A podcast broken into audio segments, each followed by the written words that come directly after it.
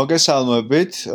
წითელი კედლის მორიგი ეპიზოდის ჩაწერას ვიწყებთ. აა კიდევ დისტანციური ეპიზოდი გამოგდის, იმიტომ რომ ჩაკეტილია თითქმის მთელი ქალაქი, აქცალულია უკვე მანქანებით გადაადგილება, როცა ამას წერთ 12 საათის შემდეგ აღარ შეიძლება გადაადგილება უკვე. აა მოდის აღდგომა, ყველა არის აბსოლუტურად დაზაფრული და შეშინებული, იმიტომ რომ მართლა ნუ ეს პანდემიის აა ალბათ ყველაზე დიდი გამოწვევა, რაც ჩვენს მენტალურ სიჯანს აღესაქვს, არის ის, რომ მოულოდნელობით გამპირობებული შიში პირადად მე მეუფლება შეიძლება თქვენც არ ვიცი ენტროპიას ეძახიან ამას რომ ცოტა ხნის წინ წავიკითხე ესეთი რამე.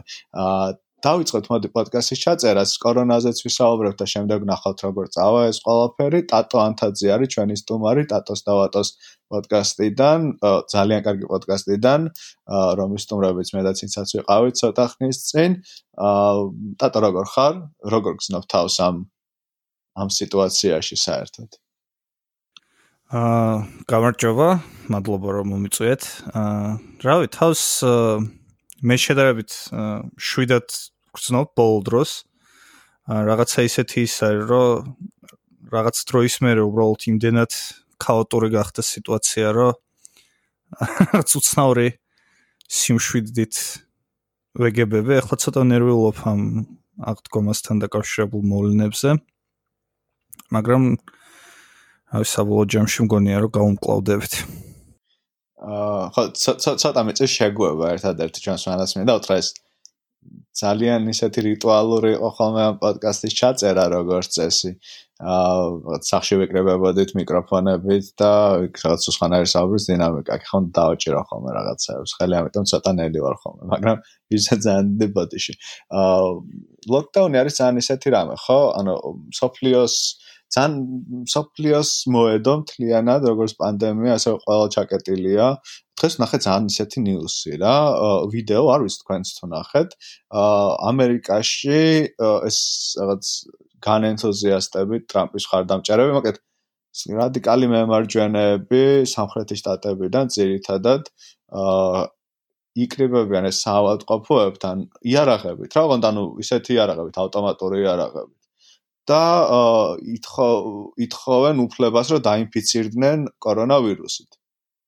აა რა ძალიან უცნაური პროტესტი არის მართლა, იმიტომ რომ ბლოკავენ ამ საავადმყოფოების შესასვლელებს და ექიმებიც ვერ შედიან შემდეგ ამ საავადმყოფოებში, როგორც გავიგე, რაღაც ვიდეოს ნახე, რომ რაღაც ექიმს ქონდა ჩაწერილი. ახაც ხო არის რაღაც ესეთი იდეა ხომ იყო ჯოგური იმუნიტეტის, ხო? რაღაც ჩვენს გავარჩიეთ რამდენჯერ არის ხო ჯოგური იმუნიტეტის იდეაც არის და რა ქვია იმას მე თან არის ეს დროის ამბავი ხა რომ ანუ რო არ ვიცით როგორ განვითარდება აა და სავარაუდოდ რომ გადაივსება საავადმყოფოები უკვე განსხვავება ნელ-ნელა გახდება არა ის ვის დაემართა კორონავირუსი და ვინ გადარჩა.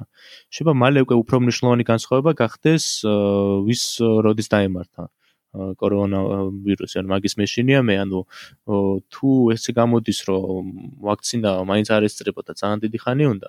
და მაშინ ყველაზე უკეთესი გამოსავალი არის რომ დაგემართოს მაშინ როცა სამართყოფოები არ არის გადატვირთული. ანუ ესეთი ინდივიდუალისტური რაღაცა რომ მიუდგე რა. ხო ეგ მანამდე ვთქვით ხო იმიტომ რომ რაღაც ეტაპზე ყველას ქვეშინია და ჩვენ სახელმწიფოს ეშინია და უთყვა სახელმწიფოს ეშინია რომ ერთდროულად იმდენი ადამიანი არ გახდეს ავად რომ შეუძლებელი იყოს მათი მკურნალობა დაახლოებით ესე ხო ამ მოცემულობაში ესეთი რაღაც თუ დადგა წინსა. ისედაც თუ ხედავ კორონავირუსს როგორც ესე ვთქვათ კლას კლასობრივ ისsues, class issues და ამ ვითარებაში ხო არ ფიქრობ რომ ეს class issue კიდევ უფრო გამწვავდება. ანუ დიდრები მიიღებენ უკეთეს treatments და ისეთი საზოგადოების ცნობილი სახეები მიიღებენ უკეთეს treatments და ჩაოლებრივი ხალხი შეიძლება ამას შეეწიროს. კი, ანუ მე ეგრეთი იმას ველოდებოდი თავიდან ადრეს მეგონი გვილაპარაკია იმაზე, რომ მე არ ვიცი რა შეუშლის ხელს ელიტებს, რომ მოიწყონ თავისი კერძო რაღაცა ჯანდაცვის სისტემები, მათ ყველაზე კარგად იციან, რომ ჯანდაცვის რაღაც საჯარო ჯანდაცვის სისტემები გადაიტვირთება და მათ აქვთ ფული რა იმისთვის რომ მოიწყონ რაღაც თავიანთი კერძო კლინიკები და მე არ ვიცი რა უნდა შეუშალოს მათ ხელი რომ ეგრე არ მოხდეს და უფრო გრძელვადიანადაც ხო ანუ რომ გავაცდეთ იმას რომ ანუ დღეს ვის უკურნალებენ უკეთო ვის არ უკურნალებენ უფრო გრძელვადიანადაც ცხადია რომ ეხლა როგორც არ უნდა დაუძლიოთ ეს კრიზისი მათ შორის ფინანსურად იქნება ეს თუ სხეულებრივად როგორც არ უნდა დამთავრდეს ფასის გადახდა სავარაუდოდ მოუწევთ აა შრომაგლების კლასს ხო? ანუ მომავალშიც მათ შორის ანუ თუ დღეს ავიღებთ ვალს ჩვენ ვიცით რომ იმ ვალის გადახდა აა მოგვიწევს ისევ სავარაუდოდ საკადასახადო პოლიტიკით და საბიუჯეტო პოლიტიკით, რომელიც შეამცირებს სოციალური დახმარებებისთვის გათვალისწინებულ ხარჯებს და ეგ თანხები გადა მისამართდება პირველ რიგში იმ ინტერეს იმ დასაფარად ამ ვალების წესების დასაფარად არის იაღებაც ახლა სავარაუდოდ მოგვიწევს. ანუ მოკლევადიან პერსპექტივაში, ძელვადიან პერსპექტივაშიც სავარაუდოდ გადახდა მოუწევთ ჩვეულებრივ ადამიანებს და ელიტებს ყველაფერი აქვს იმისთვის, რომ ეს ხარჯები გადაანაწილონ მომავალში. აა ხო, მან უბრალოდ პატარა რაღაც დავამატებ აი ამ herd immunity-ზე. ანუ ლოგიკა მაგ მსჯელობის მიღმა ანუ არსებს რაღაც ეტაპზე საერთოდ ყოველას მოგვიწევს, რომ აა იმუნიზაცია გავიაროთ, ანუ ეს ვაქცინა, რომელიც იქნება ყველაზე კარგ შემთხვევაში წელიწად ნახევარში, მაგამდე არ გონია რომ ასე გაგრძელდეს ეს პროცესები, მაგრამ თან საინტერესო ის არის რომ ანუ ამ კორონავირუსის პანდემიას ხო ყველა რაღაც სხვადასხვანაირად მიუდგა და რამდენიმე გამონაკლისი ქვეყნები არის, რომლებიც ზოგად ტრენდს წინ აღუდგნენ და ხშირად მემარჯვენეებისთვის ეგ შემთხვევები არის ხოლმე სამაგალითო, ახლა კონკრეტულად საუბარი მაქვს სამხრეთ კორეაზე და შვედეთზე. მაგრამ მანდ ყველაზე სასწლო ის არის რომ მაგალითად სამხრეთ კორეამ იმიტომ შეძლო რომ არ დააყენა ისეთივე მკაცრი ზონები ქვეყანაში როგორც მაგალითად საქართველოსში და ბევრ სხვა ქვეყანაში მიიღეს რომ ну პირველ რიგში ეგ ზომები ითვლება იმის მიხედვით რამდენად აქვს ჯანდაცვის სისტემას შესაძლებლობა რომ გაუმკლავდეს მსგავს სიტუაციას.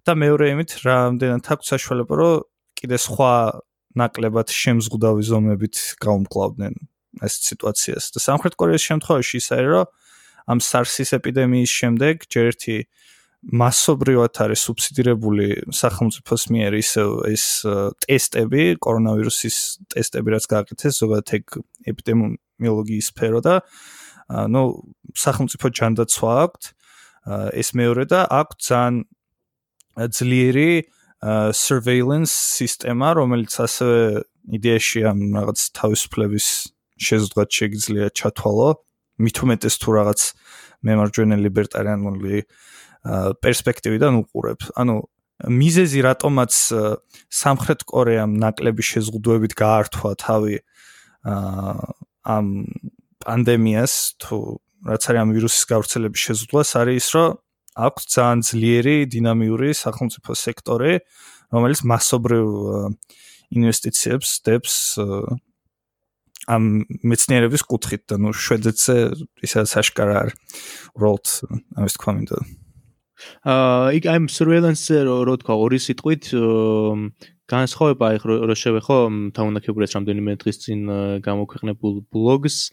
ყველა ქვეყანაში იგრძნობა იმის აუცილებლობა რომ სახელმწიფო ინფორმაცია შეაგროვოს. აა ინფიცირებაზე მოსახლეობაში, ხო, ატარებენ ტესტებს და ასე შემდეგ და განსხვავება რაც არის იგივე სამხრეთ კორეაში და ჩინეთში იტალიასთან და ესპანეთთან საფრანგეთთან შედარებით არის ის რომ მათ მოახერხეს თავისთავად ამ სამეთვალყურეო სისტემის დეცენტრალიზება და თვითონ მოსახლეობა აპლიკაციებით და სხვა მეთოდებით მალევე გარდაქმნეს თავისთავად მაყურებლებად. რა ანუ ის კი არ იყო რომ მხოლოდ სახელმწიფო უყურებდა ზემოდან მოსახლეობას და აგროვებდა ინფორმაციას ცენტრალიზებულად. არამედ თვითონ ადამიანებს მიცეს ის ინსტრუმენტები რომ მათ ერთმანეთი ეკონტროლებინათ და გაჩნდა გაცილებით უფრო მეტი თვალი ხო? ანუ რაღაც პანოპტიკონის რაღაც მსგავსი ის რომ ერთმანეთის კონტროლში გადავიდნენ უფრო იოლად და ეხლა ჩვენთანაც ჯანდაცვის სამინისტრო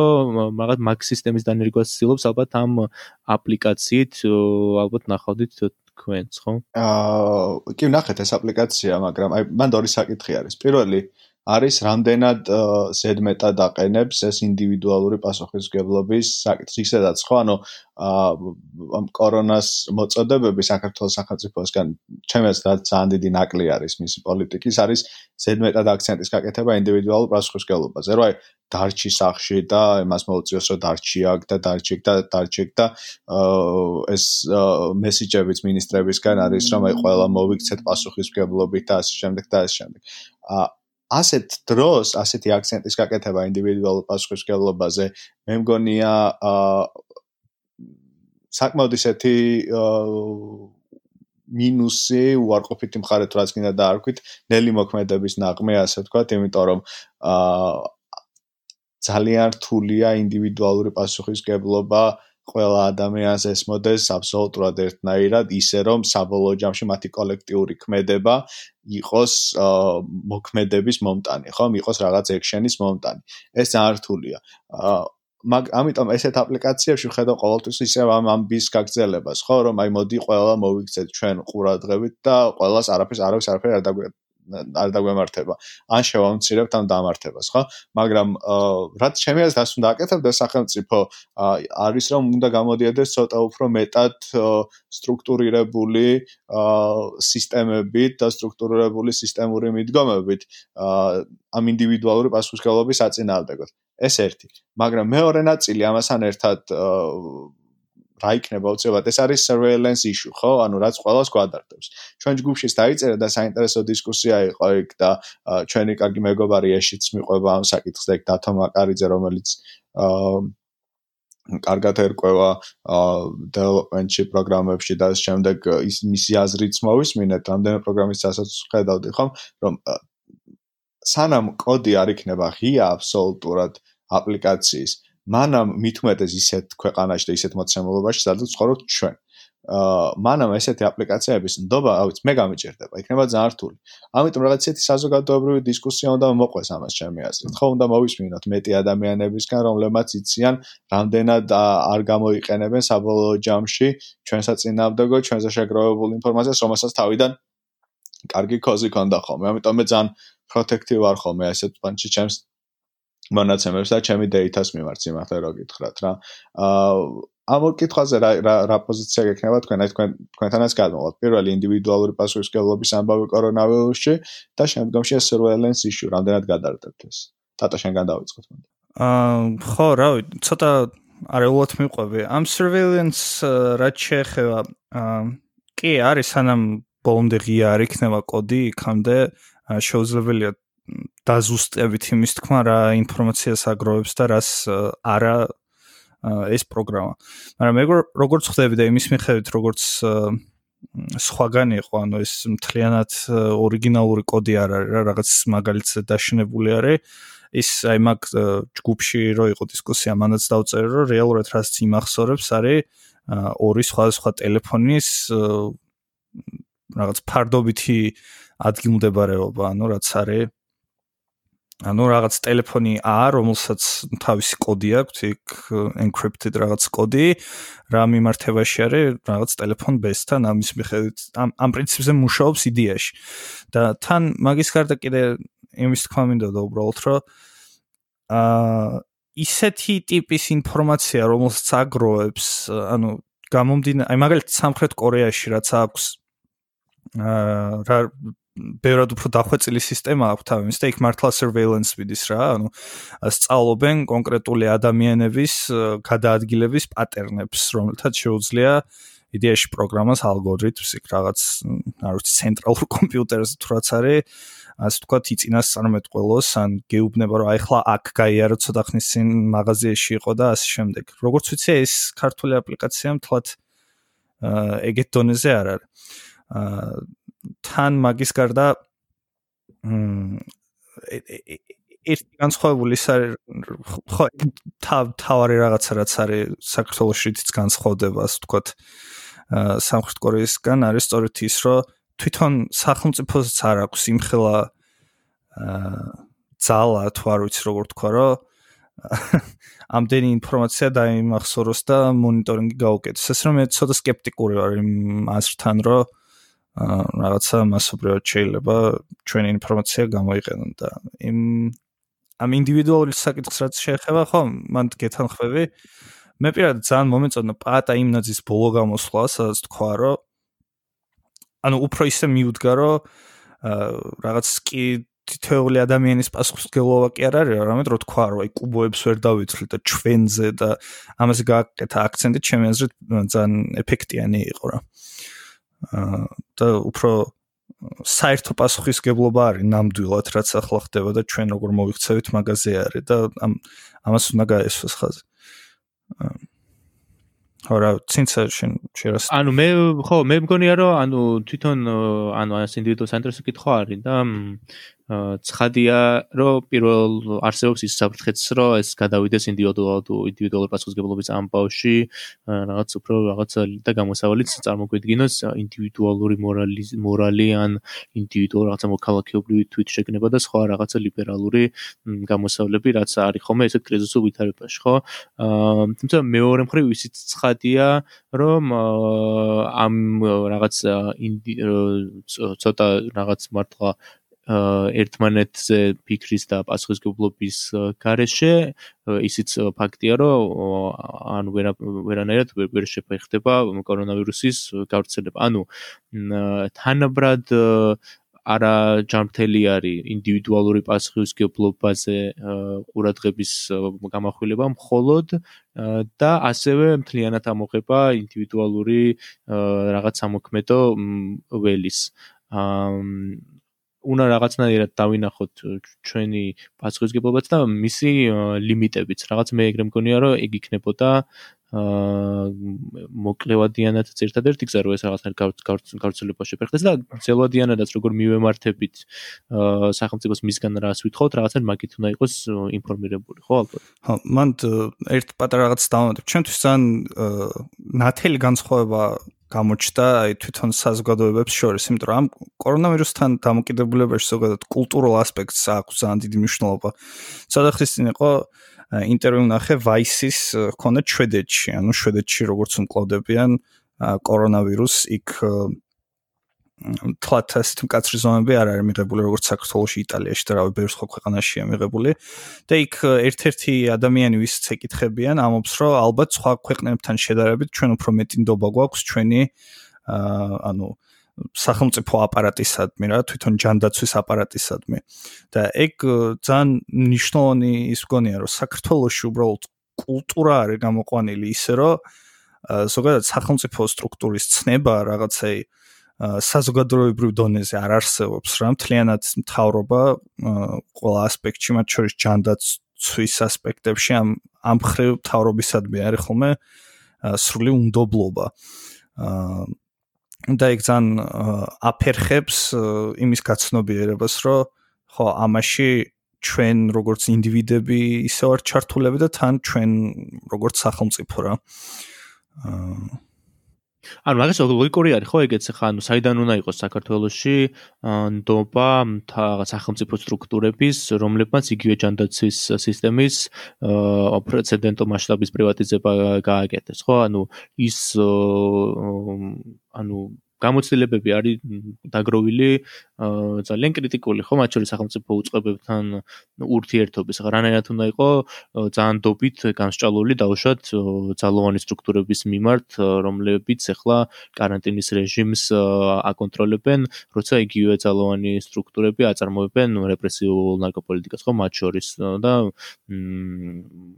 რა რეკორდებს ხსნიან ციხეში ადამიანების რაოდენობით და ასე შემდეგ, ხო? ანუ ეს ერთ დღეში რაღაცნაირად ვერ ვერ შემოწევდა მაგის პრობლემატიზებაც აა საბოლოო ჯამში აა ხო უნდა დავინახოთ ისტორიულ ჟანრში და იმ გამოცდილებების ჟანრში, რაც ჩვენ ეხა ვინც საქართველოში მათ აქვს დაგროვილი წლების მანძილზე სახელმწიფოსთან ურთიერთობაში, არა? ისე ისე ირონიულია, რომ შვედები თუ ძალიან ენდობიან სახელმწიფოს, მე მგონი ამ კორონავირუსის მერე ეგრეც აღარ უნდა ენდონ, იმიტომ რომ რაღაც აბსოლუტურად უნიკალურად სარისკო სტრატეგია აქვს არჩეული ამ ჯოგური იმუნიტეტის გამომუშავებით. მე მგონი ერთადერთი ქვეყანა არის ახლა დარჩენილი მთელ ევროპაში, სადაც ხალხი ისევ კაფეებში გარა, ანუ ეხა აღარ არ ვიცი სხვათა შორის შეწყვიტა ეს იმიტომ რომ მე როგორც ბოლოს ნახულობდი ისევ ამას აწვებოდნენ ამ სტრატეგიას რომ ბარები და ისინი ღიარჩებოდა და ასე შემდეგ. გადავამოწმოთ ერთი კამპო ხო მე მე მგონი ცოტა მაინც ესეთი შენ რას ფიქრობ? შენ თვითონ რას ფიქრობ ამ ინდივიდუალური პასუხისგებლობის ამბებზე ხო არ ვიცი მე ძალიან არ მინდა რომ მაგას ვენდო ხო ხტები ანუ მე უფრო მეტად აი ვცდილობ რომ დავინახო საკომუნიკაციო ველიდან გამომდინარე რა, ან ვინ გეუბნება რომ უნდა იყო ინდივიდუალურად პასუხისგებლიანი, ეს არის ძალიან მნიშვნელოვანი. ის რომ ანუ იმაში აბსოლუტურად მართალი ხარ რომ უნდა გქონდეს ეს ინდივიდუალური პასუხისგებლობა და მისი ლიმიტიც უნდა ვიცოდეთ და სტრუქტურული მიდგომის აუცილებლობაც, მაგრამ აუცილებელი ამ შემთხვევაში არის რომ გავიაზროთ ვისგან მოდის ხოლმე მესიჯი იმის შესახებ თუ რა უნდა გავაკეთოთ. ხო, როცა სახელმწიფო გეუბნება შენ რომ აი როცა სახელმწიფო გაძლევს ძალიან ზედმეტ ინდივიდუალურ პასუხისმგებლობას, ეს არის ჩემი არის არასწორი. აა, იმიტომ რომ მისგან მაშინ ისე გამოდის თითქოს თვითონ იხსნის ამ პასუხისგებლობებს რა. და შენც ასე გონია ბოლოს რომ აი ცი ყველაფერი არის ბოლოს ჩემი მოსაგვარებელი.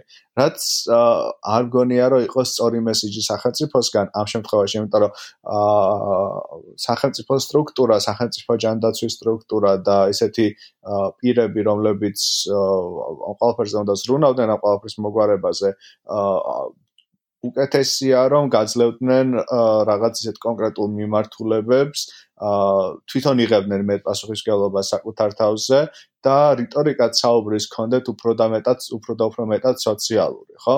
აა და ნაკლებად ასე ვქოთ ინდივიდუალისტური. აა საბოლოო და მწყობრიც მეტად მწყობრსაც ვისურვებდი მე ხა ანუ აა ხო ანუ ცოტა უფრო მწყობრიც გძელვადიანად და ცოტა უფრო ერთიანიც იგივე ეკონომიკურად რას აპირებენ და ასე შემდეგ არა?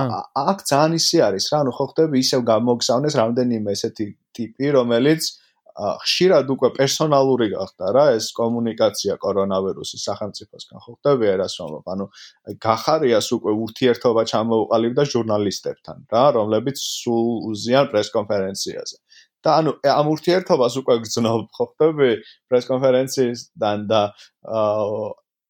ეს შეცდომ პოლიტიკური შეცდომა და პოლიტიკოსის შეცდომაც არის და ამასთან ერთად არ არგებს არავის საბოლოო ჯამში რა აა საბოლოოდ ისევ გამოვა სახელმწიფო როგორც სტრუქტურა, რომელსაც ნაკლებად უნდა ენდო და ისევ გამოვა, რომ ეს ყველაფერი დაამარცხა ინდივიდუალურმა ნებამ. რაც რა თქმა უნდა იქნება არასწორი. სადღაც Reddit-ზე ვკითხულობდი ამას წინათ, ხო რომ აი ბოლოს ამ ყველაფრის ამბავი ალბათ ისე თქვა ეს მემარჯვენე ჰევენი რომ გაგზავნა იქნება რომ აი ბილ გეიტსმა მოიგონოს ვაქცინა და ძალიან ბევრი სხვა შორის რასაც Facebook-ზე მიყვები ხოლმე პოსტებს. ჩემ ქართველი მეგობრებიც თხოვენ ბილ გეიტს ესე პოსტებში რომ აშიარებენ რომ ო ბილ მალე მოიგონე ეს ვაქცინა ხო? აი ისე მიდის აქამდე რა ეს ნარატივი საბოლოო ჯამში მე რას ვამბობ საკომუნიკაციო ხაზი რომ რო გავყვეთ ხო? როცა ადამიანს ავალდებულებს სახელმწიფო პრემიერ-მინისტრი და ასე შემდეგ რომ თვითონ იყოს ინდივიდუალურად პასუხისგებლიანი ისევ მიყვება ამ იდეას და ამ ბოლოს მიდის იქამდე რომ ეს რა თქმა უნდა ცოტა უტრირებაა მაგრამ რომ აი ბილ გეიტს გვიშველე იმიტომ რომ შენ ხარ ადამიანი რომელიც გაიზარდა ამ ყველაფრის მაღლა რა ხო ხდება უფრო თუ ფანტაზია ფანტაზია იყოს კიდე უფრო იდეალური იქნებოდა რომ ბილ გეიტსმა გამოიგონოს ვაქცინა მე ეს ცადოს ამის დარიგება სახელმწიფოებმა ხელი შეუშალონ ამაში და მაინც ვერ შეუშალონ ხელი და იმათმა მაინც დაარიგონ ამ კერძო მიმწოდებლებმა დარიგონ და უკვე ეგ ნარატივი რაღაცებს ვიღაცებს ცდილობენ ხოლმე ანუ ამ ტესტებზე და იმაზე ხო ხსმენიათ რომ აი სახელმწიფო ხელს უშლის ახლა ტესტების არ ქვია მაგაც ანუ გიორგი ვაშაძესა და სხვებსაც გლელოს განცხადება იყო რაღაც პრესკონფერენცია შემთხვევით გადავაწყდი სადაც ითხოვდნენ რომ სასწრაფოდ ესე იგი გამარტივდეს აა ტესტების რეგისტრაცია რაღაც საბაჟოზე ტექსტების რეგისტრაციის რაღაც რა. ანუ ეს ის უკვე იქმნება რომ სინამდვილეში აქ გამოსავალი აქ კერძო სექტორს და სახელმწიფო უბრალოდ ხელს უშლის ახლა ამ ამბოს და იდეალური რეზოლუშენი მათთვის იქნებოდა ცხადია ეგ რომ ვერ შეუშალოს და სცადოს მაგრამ ვერ შეუშალოს რომ სახელმწიფოსაც დაუბრუნდეს თავისი ნეგატიური რაღაც შემზღდავი აგენტობა და კერძო სექტორი მას შეინარჩუნდეს ეს გადარჩენილი ეს როლი სახელმწიფოს სხვა ჩერს ბევრამეში გამოჩნდა სუსტი მაგ შემთხვევაში რა. და ეს ნარატივიც რომელსაც ავითარებენ არის აი ეკლესიის ამბავს უნდა შევეხოთ ხა ბუნებრივია მივიდოდით აქამდე და უნდა ვისაუბროთ ამაზე ხომ? სახელმწიფოს უცნაური პოზიცია შევატყო ერთ რამეში გახარიას რიტორიკაში. გახარია აღმოჩნდა საკმაოდ კაცრი ბიზნესის მიმართ რამაც ბევრ მემარცხენაში გამოიწვია სენტიმენტები და რაღაც ზეთ მიმებსაც ხედავდი. ხო, რომ აი გახამხანაგი გახარია, რომ ექსპროპრიაცია და რაღაც ხალხო ეგ ყველაფერი არის ისულელე, ეგ კაცი ჩვენიანი არ არც არც იქნება არასდროს. დროებითო, თან დროებითო იმ კაცმა თქვა, რაც არ გვაწყობს. არა, ვიღაცას თითი დაუქნია კიდევ რა, რომ აი აი რამდენად იმპოტენტი არის მემარცხენე მოძრაობა საქართველოში ხო ანუ მარტო მაღაზია ჩანს, რომ აი ტიპი გახარემ თითი დაუქნია, რომ ვინც სანამშრომლებიო გააგდეთო სამსახურიდანო ყოველას მოგაკითხავთო რა. ეგეთი რაღაც თქვა და აუ აუ ვიცი და რა მოხდა ვერ გეტყვი რა ანუ რაღაც ომბუდსმენმა გიორგი გახარიამ ხო აბსოლუტურად. კი ჩვენ ჩვენ სუფლებებზე შეწუხებულმა გიორგი გახარიამ ეგეთ რამე თქვა. და ეს მემარცხენეები ისე ატყდნენ და ისე აყვნენ ამ ყველაფერს. ხო ხტები მან ანუ მემარცხენეები არა პრო რა მე მგონი ხო ანუ რა ხა ისეც არ ვთქვა რომ ხა რაღაც გახარეს მემარცხენეები მაგრამ რაღაც ეგეთ რაღაც უტრირება იქნება. მე მგონი უბრალოდ ხალხს ხო ხალხს უბრალოდ სადღაც ენატრება რა ეგეთი ტონით საუბარი სახელმწიფოს მხრიდან ბიზნესის მიმართ ხო ხდები კი კი მან ხო კიდე უბრალოდ ეს რამდენად იმპოტენტია მემარცხენე მოძრაობა რო თქვი აა კი ანუ სხვა შორის მეც რო ნახე ეგ ნიუსი ნუ ჯერ მომენტალურად გამეცინა იმიტომ რომ ნუ გახარიას ეს წარფშეკრული თითის ქნებები ყოველთვის ასწლოა ხოლმე და მაგის გარდა აი ადრე იყო ეს არჩევნები რო იყო საპარლამენტო და რო გავწყვიტე რატომღაც რო გავცნობოდი ამ პარტიების საარჩევნო პროგრამებს იყო რომ აი ხუმრობით ვამბობდი ხოლმე რომ ნიკამელია გაუძღვება კომუნისტურ რევოლუციას იმიტომ რომ ანუ როგორც კი რომელიმე პარტია რაღაცა ოდნავ მაინც თან ძალიან არამემარცხენე პოზიციას გააჟღერებს, რომელიც არის აი სტატუს კვო პოზიცია ყველა სხვაგან რა, მაგრამ ნუ ჩვენ ისე მარჯვნივ ვართ, რომ ჩვენთან ეგ რაღაც რადიკალურად ითვლება. როგორც კი იმას გააჟღერებს ხოლმე მომენტალურად რაღაცნაირ ყურადღებას იქცევს ჩემგან, რომ ე რაღაც პროგრესის მარცვლები არის რა, იგივე იყო რაღაც ლელომ რო თქვა, რომ აი ჩვენ რაღაც ცენტრისტული პარტია ვართ და გვინდა რომ სახლები რაღაც სტანდარტებით აშვენდეს და რაღაც უბრალოდ ტრაგიკული არის კი, რამდენად უნაროები ვართ, ხო ხვდები რომ რა გვიხარია. რა რა გვახარებს, ხო აი რამდენად არაფერია რომ აი გახარია თქვა რომ და რა თქვა ანუ ყველა ანუ ხო კანოდი ელემენტარული კანოდის და დრო არის ავტო ის კი არ უთქავს რაღაც რადიკალურად არის კანონით ხო რომ აი რომ რა ცოტა გვინდა ბედნიერების ეგრე რო თქვა რა ცოტა გვინდა ბედნიერების ცოტა გვინდა ბედნიერების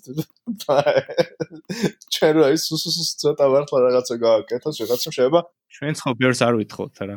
მა ბერს ვითხოვთ რატო არ ვითხოვთ ბერს არა რო თითი დაუქნიოს რა მაგასო ხო ანუ ეგ თითის დაქნება იმიდან რომ რა ქვია კობახიძე არ არის მაშინ პარლამენტის თავმჯდომარე რო იყო იქ ფილარმონიაში თუ სადღაც სულ კომუნისტებს ეძახდა აქტივისტებს ანუ მაკედან მე გახარიას ის რომ ახლა ბიზნესებმა ცოტა ანუ ეს რაღაც პოზიტიური თავისუფლების მარცვლები რო გამოჩნდა ძალიან ისეთი აა სასიხარულო კი, სასიხარულო და ხო, თან სასიხარულო იყო, თან სასაც იმიტომ ყოველს გვინდა, ხა ჩვენც გვინდა, რომ ჩვენი პრემიერ-მინისტრი ეგრე ელაპარაკებოდა ეს ბიზნეს, აბა როგორ უნდა ელაპარაკებოდეს? ხო, როგორ ელაპარაკება, ის ხარ და ელაპარაკება რა.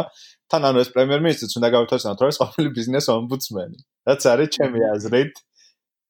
ბიზნეს კაცობრიობის ისტორიაში ყველაზე სასაცილო ბიუროკრატიული პოზიცია, რაც შეიძლება დაიჭირო.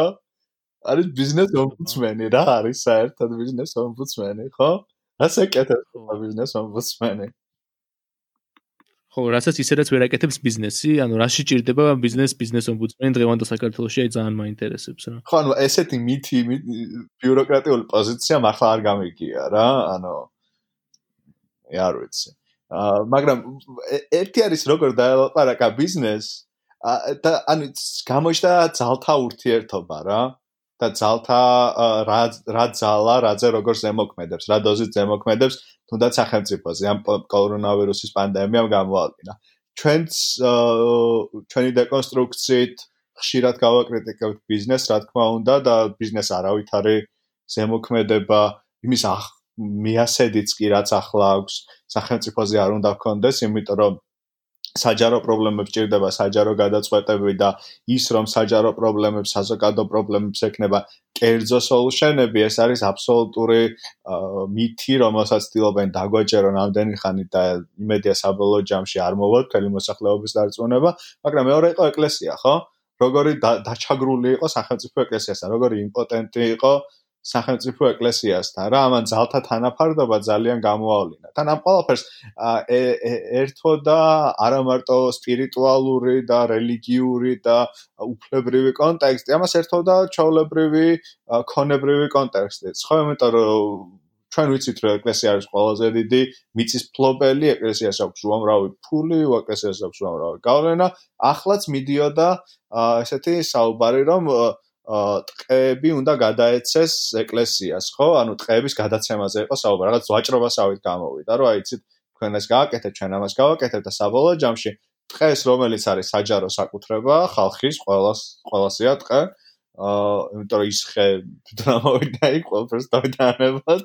აა, ეს ტყე უნდა გადავიდეს ისევ კერძო ქონებაში და ამ ეს გამკერძო ქონების ფლობელი იქნება ისევ ეკლესია, ხო?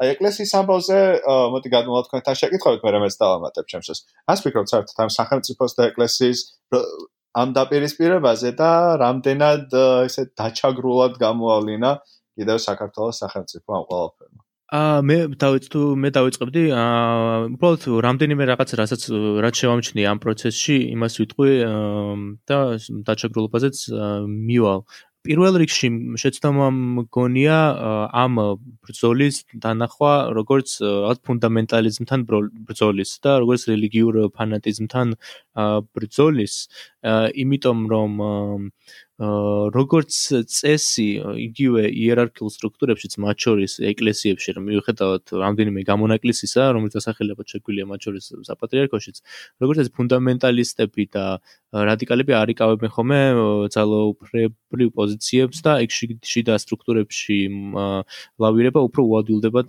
მათ ვისაც არ აქვთ ფუნდამენტალისტური პრინციპები და ფუნდამენტალური შეზღუდვები.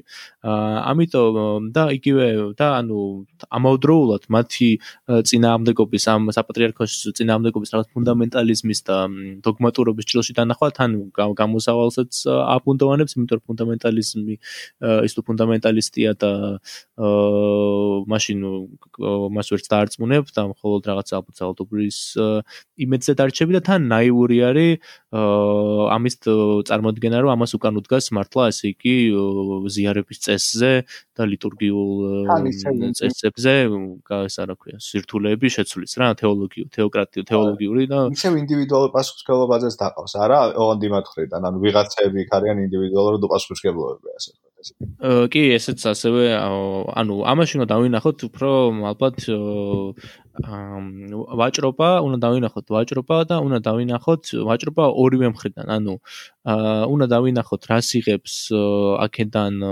საპატრიარქო, დაუშვათ რაში შეიძლება იყენებდეს თავის ამ ძალაუფლებას, შანტაჟ შანტაჟურ ძალაუფლებას, რომ მას მართლა შეუძლია დღეს ეკლესიებში შეკრიბოს 10.000 ადამიანი მიუხედავად ყველაფრისა და როგორც ჩანს ის აი ამ ამ ამით ვაჭრობს და ეს შიგნითაც სავარაუდოდ ესე იქნება ალბათ იქ თითო საპატრიარქოს შიგნითაც ეპარქიების დონეზე ალბათ რაღაცა მსგავსი პროცესი მიდის, როცა ერთმანეთს აჩვენებენ, რომ არიან ამაზე წამსვლელები და ამით რაღაცების მიღებას ცდილობენ და იგივე უნდა გავაკეთოთ, ანუ მეორე მხრიდანაც, ანუ სახელმწიფოსთვის, რომ სახელმწიფო რო დღეს მართლა თulides, რომ მის მისი ძალსახა ინტერესი არის ეკლესიის შეზღუდვა, რატომღაც მგონია, რომ ამას შეძლებდნენ ამ სახელმწიფოს მხრიდანაც უნდა დავსვათ კითხვები იმასთან დაკავშირებით, რომ რას იღებს სახელმწიფო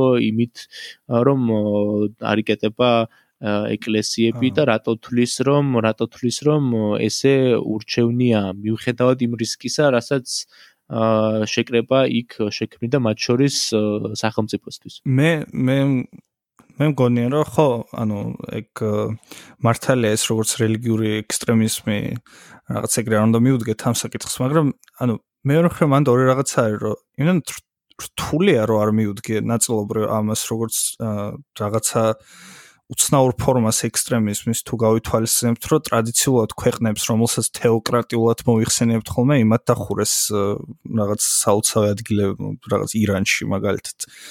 აა და თან ხო, კიდე ერთი ის არის, რომ ერთი მომენტი რაც არის, რომ ამ პოლიტიკურმა პროცესებმა, რაც 90-იანების მერე მიმდინარეობს საქართველოს, ჩემი აზრით, უპრეცედენტო ძალაუფლება მისცა ეკლესიას უნებლიეთ. იმიტომ რომ მე როგორც ხედავ ეკლესიისადმი, როდესაც საბჭოთა კავშირი დაიშალა ეკლესია, მე ну ჯერ კიდე საბჭოთა კავშირის დროს ეკლესია რაღაც დისიდენტურ ავტორიტეტად მიიჩნეოდა ხალხში ნუ რელიგიურობა, ასე ვთქვათ, საბჭოთა კავშირის ბუნებიდან გამომდინარე. და შემდგომ ამ პოლიტიკურ პარტიები, რომლებიც ცდილობდნენ რაღაც კაპიტალიზაციას, ეკლესიასთან სიახლოვე მოქონათ იმას, ხო, რაღაც თავიანთ კემპეინში ამას უხმარობდნენ რა, ის რაღაც სააკაშვილი მიდიოდა ეკლესიაში და წმინდა ნინოს რაღაც ღვაწლებზე და ღვთისმშობლის წილხედრობაზე საუბრობდა და მე ეს ქართული ოცნებაც რომ მოვიდა ერთ-ერთი თან ჩემ აღსანიშნავი რაც არის ჩემი აზრით რომ ქართული ოცნების მხარდამჭერი ფლანგი რაც არის ამ ცირე პოლიტიკურ დისკურსებში აი მაგალითად იგივე პოსტივი და ბევრი ხალხი მსგავს წრეებიდან ეკლესიას აძლევს ლეგიტიმაციას იმიტომ რომ დისკრედიტაცია გაუკეთონ მაგალითად ნაციონალურ მოძრაობას. ასე რომ ისე გამოდის რომ სხვადასხვა მიზნების გამო რატომღაც ამ თავარი წამყვანი პოლიტიკური ძალების საყრდენ წერტილად ჩდება ეკლესია რა. ანუ ეკლესია ჭირდებათ პოლიტიკოსებს და არა პირიქით რა. ელექტორალური ღირებულება აქვს ეკლესიას ხო. ეკლესიას შეუძლია რომ არჩევინოს შენი თავი ბოლოს და ბოლოს ხო? იმიტომ რომ ამ შიფტს უყურებ ჩვენ დიდი ხანია რა რომ ვინც უფრო ახლოს არის და ვინც უფრო კარგად არის და ვინც უფრო დაალოცილია, ის საბოლოო ჯამში მე დივიდენდს მიიღებს ეკლესიისგან და საერთოდ ელექტორალურ ძალას. რაც ძალიან ისეთი რამეა საბოლოო ჯამში სახელმწიფოს ასეთ ბიუროკრატიულ აპარატებში, როგორც ჩვენ ვართ ასეთ ლიბერალურ დემოკრატიაში და ამ ყველაფერს მართავენ ამ პროცესებს ტიპები, რომლებსაც უნდა ძალაუფლება და რაც უფრო დიდხანს ძალაუფლებაში დარჩენა, ხო? ამიტომ ისინი ამ ვაჭრობაში ძალიან ისე შედიან, თამამად შედიან და იციან, რომ საბოლოო ჯამში, რასაც დათმობენ, აი ამიტომ ეს ცინცას შეხედულება, ამიტომ მომეწონა და ამიტომ ეთანხმები, რომ რასაც რაც უფრო მეც დათმობენ, იციან, რომ უფრო მეცაც მიიღებენ, ხო? ამიტომ ხო და უაჭრიათ ეგრე აქამდე სავარაუდოდ. ხა პირველად კი არ ვაჭრობენ ანუ მაგის სპეციალისტები არიან ხა როგორ ევაჭრონ თავრობას რა. 30 წელია მაგას უყურებთ რა მე 30 წლამდეც მანამდეც დაწყებული რაც იყო. ამას წინათ უყურებთ შევარნაძის ინტერვიუ ხო იცი ამაზე გერმანულენოვანი ინტერვიუ იყო რომელსაც გერმანულ ჟურნალისტს აძლევდა ინტერვიუს. ძველი ძალიან და ილია მეორეზე ამბობს ესეთ რაღაცას რა რომ აა მაშინ მე როცა 67 წელსო ჩვენო პარტიაო მარტო ჩინოვნიკებს კი არ ნიშნავდითო ჩვენო პატრიარქებსაც ნიშნავდითო რა ხო მეც ნახე ეგეთი და და ხო ცოტა სასაცილო არის ხა მაგ ხალხი წარმოადგენა ფუნდამენტალისტებად არა კი არა მაგაშა თვითონ არ წარმოუდგენიათ ესე თავისი თავი და აქედან თან ნაიური არის და თან ზედმეტი რესპექტი არის მე მგონი ზედმეტი უფრო მეტი უფრო მეტი არის არც იმსახურებენ მაგ ფუნდამენტ კრიტიკას აშკარად არა. არა კი მე ფუნდამენტალისტი ცოტა სხვა კუთხით თქვი რომ უბრალოდ ამ ხელას საფრთხის უარყოფა. მაგრამ ისე ხო ნამდვილად არის საყოველთაო არა გამბედაობა რო უნდა ფაქტია ხა მე მე ეგ ეგ მიგვერს აი ძალიან რომ ანუ როგორ ანუ იგივე შენ ხა პრაგმატულ და ბრძოლაშიც ხო უნდა გამბედაობა რომ ხა ანუ რაც არ უნდა ის იყო რა ქვია მაკიაველიანური რაღაც მოტივირებული მაინც გამბედაობა ხომ და ამაზე წახვიდე ხა იქ მეც მიყვირს წმინდა ადამიანურად რომ ანუ როგორ ბედავენ ამ ამ ხელა მათ შორის პიროვნულადაც რა ამ ხელ პასუხისგებლობის აღებას და ამ ხელ რისკზე წასვლას მართლა წარმოუდგენელი არის ჩემთვისაც. აი ძალიან გულწრფელად რო გითხრათ იმიტომ რომ მაშინ ნუ ვერ უნდა გძნობ და მაშინ მართლა უნდა ეგონოთ რომ არ გადადის მითი რა ქვია დახურულ სივრცეში ღამის გატარება არ ქმნის რისკებს ხო? ანუ ეგეც ხა არ მგონია რომ ვიღაცებმა ვიღაც ეგეთებიც არიან ხა ალბათ მაგრამ დანარჩენებს როგორ როგორ მიდიან მაგ ხელა როგორ მიდიან მაგ ხელა რისკზე ან მართლა მიკვირს რა. იციან რომ ის არის არა ანუ იციან რომ ამ ვაჭრობით უნდა მოიგონა რა ანუ მთელი არსი საპატრიარქოს სტრატეგია სავაჭრო სტრატეგიას ასე ასე ვთქვათ ეგ არის რომ წავიდეს რაც შეიძლება შეტევაზე ხო? ანუ და ამას აკეთებს ამდენ ხო იმ აქციების ამბავზეც და ეს რაღაცა ხან ფილმი გამოვა და ეგ არ მოსწონთ ხან რაღაცა კლუბია და ეგ არ მოსწონთ, ხან ვიღაცამ რაღაც დაწერა და ეგ არ მოსწონთ და მიდიან სრულ იმაზე, ხო? ტარანზე როგორც ამ კონფრონტაციაზე, კი, კი. ეგრევე შეგეჯახებ. კი, ან ეგ არის ამას სტრატეგია. ამ ბოლო დროს განსაკუთრებით. ა სუ ესე იყო თან რა ეგრეც არ ადრე შეიძლება არა ესეთი კონფრონტაციულები იყვნენ აი ხა არა ვიცი რა აი რო თქვა იგივე აი 2012 წლამდე დაუშვათ ესეთი კონფრონტაციულები იყვნენ აი ძალიან გამიჭირდება შეფასება რა ეს ზეპირად. ცოტა ხანი ცოტა რომ დავძებნოთ არ ვიცი მაგრამ მე რამდენადაც მახსოვს ეკლესია ყოველთვის იყო კონფრონტაციული შესაძლოა საპატრიარქოსგან არ ქონდა ხოლმე ესეთ ექსტრემისტებს ასე ვთქვათ ბექინგი რა. ამა ბასილის ამბავი რო გაიხსენო ხო? мама ბასილი დასდევდა ნუ იეღოველებს და ამ შემდეგ და ამ შემდეგ მაგრამ მაშინ მე განკვეთეს мама ბასილი და ის ძალიან ცნობილი კადრები ხო იცი ნაცები როცა შედიან იმაში ეკლესიაში ეკლესიის დარბევა როცა როგორ არის კი კი კი ხო ანუ ეხლა წარმოგიდგენთ რომ რაც არ უნდა განდეგილი და გაადევნილი იყოს მდელი და ახლა ვინმე ექსტრემისტების ექსტრემისტებსაც კი არ განდევნიან ალბათ ჩემი აზრით მაგრამ აა ახლა ალბათ სახელმწიფოს გაუჭirdება ეგეთ რამის გაკეთება რა, ანუ ეკლესიაში ვერ შევა. პოლიციური. ხო, რაღაცები შეიცვალა კიდევაც, ხო, როგორც ჩანს. აა მე მე მოვეს რა, ასეთი რაღაცნაირი ესეთი ტაქტიკით რა, ხო ხტები?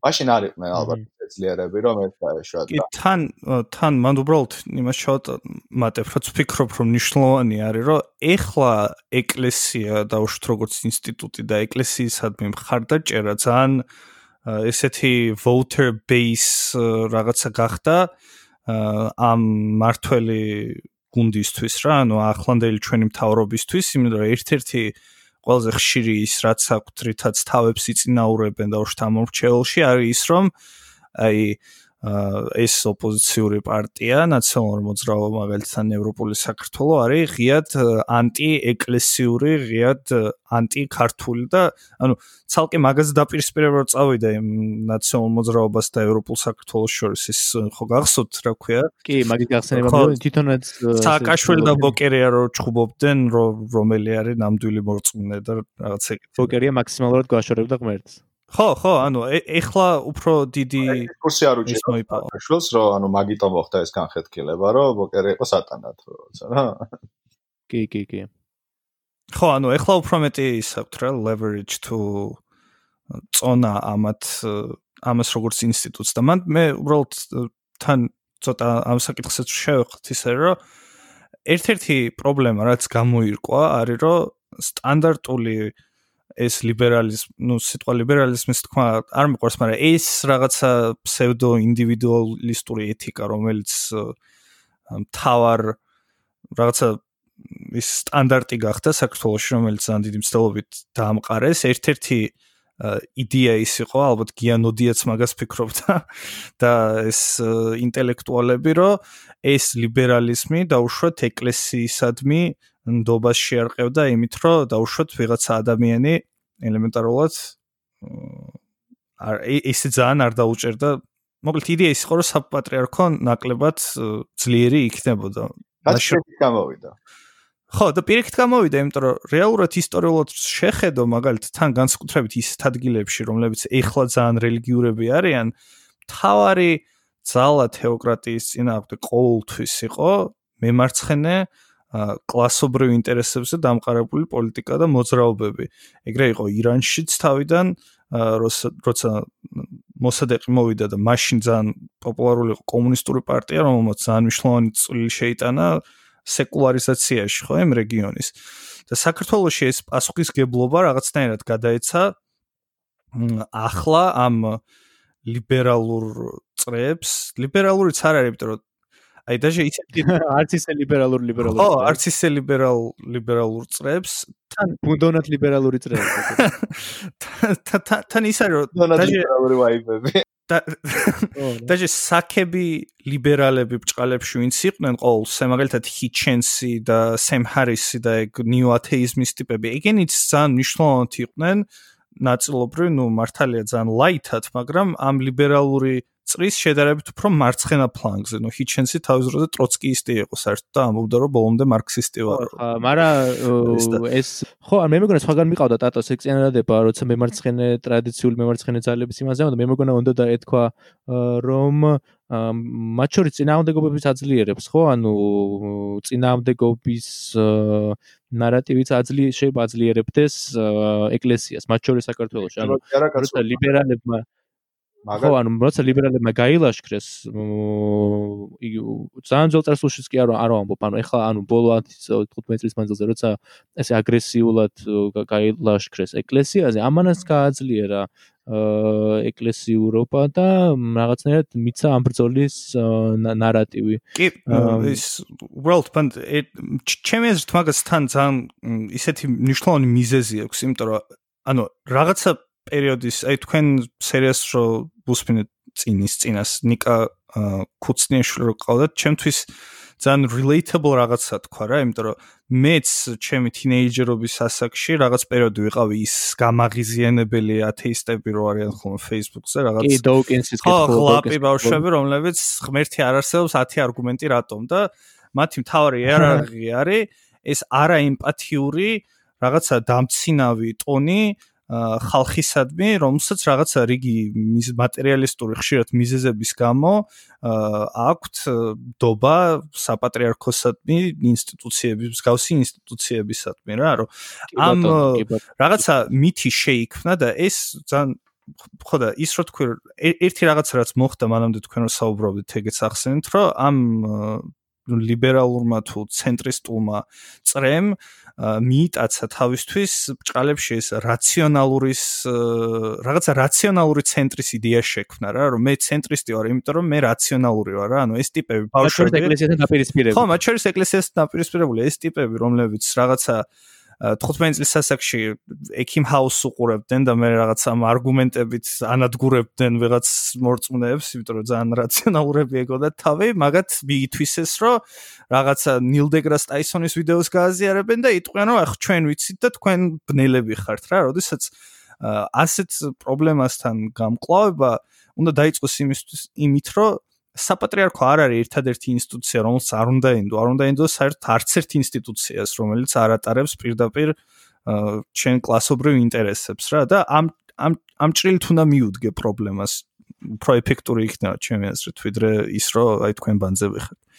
კი, რა თქმა უნდა, ხო ორი აზრი არ არის თუმცა თან ანუ ამას დავამატებდი რაღაცას რომ ანუ აი ეს ლიბერალუ ეს რა გამბედაობასაც კრიტიკულ კრიტიკულ გამბედაობასაც ავლენენ დღეს ჩვენ ლიბერალები ანუ ეკლესიის მიმართ ეგეთი გამბედაობით ვერ აკრიტიკებენ აბსოლუტურად ვერაფერს სოფლიოში ანუ მაქსიმუმ ანუ მაქსიმუმ რუსეთს გაუბედონ იგივე რასაც უბედავენ ეკლესიას რა.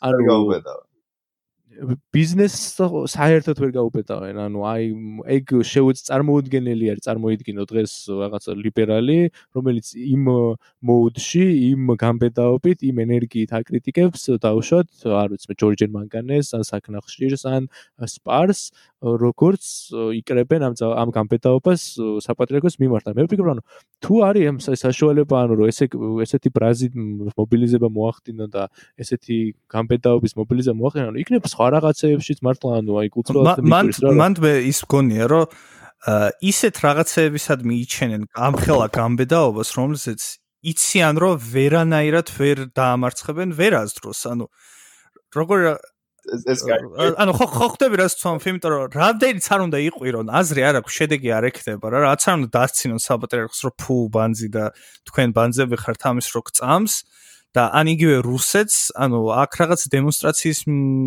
მოწყობით რუსეთთან პოლიტიკა არ შეიცვლება და არც საპატრიარქოს გინებით საპატრიარქოს პოლიტიკა არ შეიცვლება. ამიტომ ეგ ჩემი აზრით მაგას აცნობიერებენ და უბრალოდ ეს არის რაღაცა სოციალური ქულები რა. აი თამარ ჩერგოლეიშვილს ქონდა რაღაცა გენიალური პოსტი რომ ვინც წახვალთ ამ საპატრიარქოს იმაზე, სანთელს უთებთ, რა ქვია, სტალინს. ანუ ეგეთ რაღაც გამოაცხო რა და ამაგარი კაცი არის ეს თუ თუ თუ ხო ხო ანუ ზუსტად მინდა რომ ციტატა უნდა ხო? იმ გრუპში იყო რაღაც ეგრეა ოკე კი თქვენ გაგრძელთ და ზუსტად ვნახავ ციტატა იცი რა შეა საქმე ერთ ერთი რასაც გეტყვით ამ ხანაგებო რა რას დავამატებთ აბსოლუტურად გეთანხმებით ყველაფერში. მაგრამ აა დატომ დაიწყო ამაზე საუბარი მე რა შეწყვეტეთ და გავაქცევთ არ უნდა დაგვავიწყდეს რომ ეკლესიას და ეკლესიის ყველაზე კარგი კრიტიკოსი იქნება მემარცხენე ძალა და ეკლესიას აქვს მემარცხენე კრიტიკა ხო ოღო თავისი ფორმა აქვს იმ კრიტიკას, რომელიც უნდა განსხვავდებოდეს აუცილებლად ამ ლიბერალური კრიტიკისგან, აქ ამ ქედო მაღალი კრიტიკის. აა ფორმაც აქვს შინაარსიც განსხვავებული, ანუ აბსოლუტურად სხვა ფორმა არის. აა ამიტომ მე მგონია რომ ძალიან challenging, ანუ ძალიან ისეთი გამოწვევა არის ახლა მემარცხ ამ პატარა დაჯგუფებებისთვის, ხო და ძალიან პატარა ჯგუფები არსებობს ახლა მემარცხენე აა საქართველოში. აა გამოწვევა ეს გამოწვევა მათ შორის რომ ეს ასე ვთქვათ leverage, აი ქართულად როგორ ვთქვა leverage მითხარით იმიტომ რომ ისეთ სიტყვა რა შეუნდა ვთქვა ქართულად. აა აა რთული სათარგმნი არის და მაგიტომაც იყენებ ეგრე ხშირად ინგლისურად. ალბათ. ხო, მაგრამ უნდა სვენას უნდა განუმარტოთ რას გულისხმობ რა, ანუ აა ბერკეტი, ბერკეტი. ხო, აი ხო, ბერკეტი შეიძლება. ბერკეტი არა, უფრო აი ინსტრუმენტი. ხო, რაღაც კარჩე. შევეთ თუ თუ იცით როგორ უნდა თარგმნოთ ეს სიტყვა, გწერეთ კომენტარებში. არიცით ხო ეს ეს შექმნა რა ხო ხტები იმიტომ რომ მეორე საკითხი არის უკვე რაც გროვდება რასაც რასაც პოზიციები ახლა ეს კრიზისები განსაკუთრებით გვაჩვენებს საქართველოში რომ ეს ყველა პოზიცია რაც არის ქართულ პოლიტიკურ რეალობაში და საზოგადოებრივ რეალობაში არის ჩიხში შესული ამ ლიბერალური პოზიციას, კონსერვატიული პოზიციას, ტრადიციონალისტური პოზიციას და მათ შორის ლიბერტარიანული პოზიციაც, ხო? ანუ ყველა არის ყველა თავთავიანად ჯიხში, რა? და ხდება არანაირად ამ ყველაფრის კომუნიკაცია ადამიანებს შორის, რომლებიც ერთ მეორე ან მესამე იდეას უჭერენ ხარს. ისე რომ ამ ყველაფერს კონდეს მართლა ასე ვთქვათ ამ საზოგადოებაზე ორიენტირებული ქვეტექსტი და დისკურსი ისევ რა და ძალიან ისეთი გამოწვევასავით არის ჩემი აზრით ახლა მემარცხენე ძალის რომ არ არ ჩაერიოს არც ერთ არც ერთ ამ დისკუსიის შიდა მიმდინარეობაში, არც ლიბერალურში, არც ტრადიციონალისტურში და ამ შემდეგ. და ამასთანავე არ მისცეს არც ერთს უფლება რომ განაპირობოს მისი პოზიცია. ხოხტები?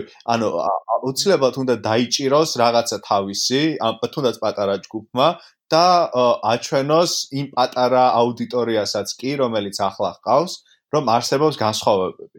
და რომ ანუ მემარცხენე იდეა და მემარცხენე ძალა არის ამ განსხვავებებზე საერთოდ რა და ეს განსხვავებები არის აბსოლუტურად მომართული ხალხის აა და პირველ რიგში მათ სასიკეთოდ ვინც ამ პრივილეგირებული ფენისგან ექსპლუატაციას განიცდის და ამ უკანა ასე ვთქვათ ფარდის უკანა დისკუსიაში საერთოდ არც მოიაზრება და ისინი ხედავენ თავიდან ბოლომდე როგორც რაღაც ესე ვთქვათ მასას.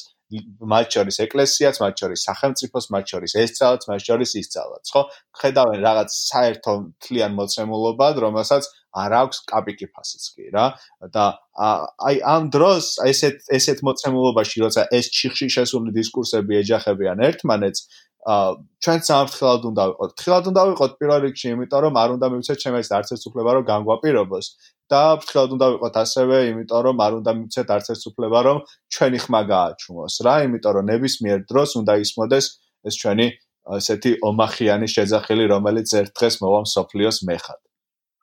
და ეგ ანუ სხვა იმებს ხო მართალი არის ანუ რომ ანუ იგივე მოთხოვნა დგას სხვა ინსტიტუტების და სხვა ტიპის კრიტიკების მიმართაც ხო? ეხა იგივე რუსეთი იქნება თუ სხვა იქნება ხო იქაც იქაც იგივე ანუ ეს მარტო ეკლესიას არ მიესადაგება რაც რაც ჩეთქი სხვა იმებზე ცდილდება ნამდვილად რომ ანუ იგივე გეოპოლიტიკური კრიტიკა იქნება ეს თუ სხვა ტიპის კრიტიკები იქაც იგივე იგივე სამუშაო არის გასაწევი რომ ეს თვითყოფადი კრიტიკული ხაზი დამუშავდეს რომელიც დაშორებული იქნება ყველასთვის გასაგებად დაშორებული იქნება რაღაცა ლიბერალური კრიტიკისგან თუმცა რომელიც ასევე არ იქნება განსაზღვრული მისი დაპირისპირებით ლიბერალურ კრიტიკასთან ანუ იქნება თვითყოფადი და ავტონომიური კი ანუ ის ერთ-ერთი აი საპატრიარქოს იმიტომ ხოლმე უფრო ხშირად და არა მაინც და მაინც რელიგიის კრიტიკაც რომ ანუ მემარცხენე მოძრაობა ზოგადად სეკულარულია და უშუალოდ თვითონ ხშირ შემთხვევაში ამ რელიგიურობის იდეას უპირისპირდება ხოლმე მაგრამ არ არის აუცილებელი ეს. ანუ ნიშნავენია რომ გაჩნდეს რაღაცნაირი ცნობიერება საზოგადოებაში და აქედან უნდა გამომდინარეობდეს აქედან ძალიან ბუნებრივად წამოვა შემდგომ მის კრიტიკა და დაპირისპირება ამ ინსტიტუტებთან რაც სამბობ რა იგივე გეოპოლიტიკურს და ამ იმაზე რა ან თვითონ ის ფაქტი რომ საპატრიარქო ფლობს ძალიან დიდ რაოდენობა მიწების რაც აუხსნელია რატომ მაშინ როდესაც ბევრი გლეხები ვერ ფლობენ ამ მიწებს ხო? ვიტყვი რომ ეს ვაჭრობები რასაც ვამბობ ჩვენ მანამ პირველი ვაჭრობა არა ბევრი აქვს წარმართული და ხო ხო ხო ხო და ის არის რომ თვითონ ეს ამ ეს როდესაც გააჩენს უსამართლობის შეგრძნებას როდესაც დაუშვ საზოგადოება მივა იქამდე რომ დაიცა რა რატომ? რატომ აქვს ეს ეკლესიას? რატომ არ აქვს ან თუნდაც თვითონ სახლ ან ტყე რატომ უნდა ეკუთვნოდეს ეკლესიას? რატომ უნდა მეკუთვნოდეს მე და სხვას და ყველა ჩვენ?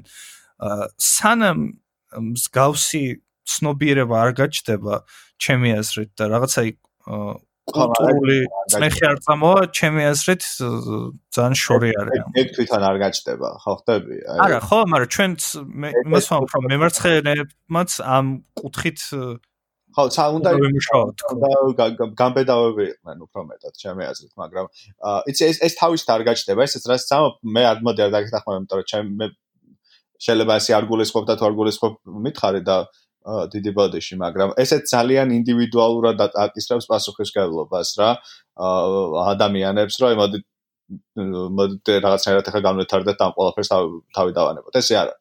ან მარტივი არ იქნება ეს პროცესი. იქნება მოითხოვს თავდადებას, მოითხოვს ენერგიის დახარჯვას და მოითხოვს, რა თქმა უნდა, აა რაღაც ცოტა აა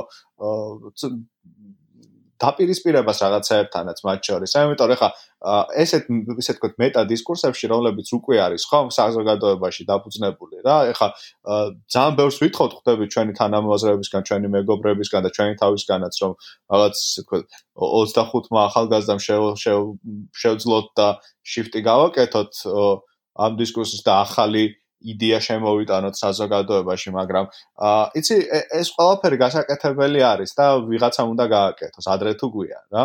აა ადრე რომ გააკეთებინა თუ კეთესი იქნება, მაგრამ გვიანაც არ არის არასდროს ჩემი აზრით. რა, ამიტომ, ამიტომ ამ შემთხვევაში მე ძალიან ისეთ ოპტიმიზმს ვინარჩუნებ ჩემ თავშიც და ჩემს მეგობრებშიც და აა ხალხში ვინც არის ჩვენთან ჯგუფში და ასე შემდეგ და ასე შემდეგ რომ აა და სხვა ჯგუფებშიც მათ შორის ხო რომ აა რაღაცნაირად შეიძლება მინიმალურ დონეზე, მაგრამ აი დავიწყებთ ამ leverage-ის კიდევ და გამოვიყენო აა, პატეთ, ამის შექმნას რა.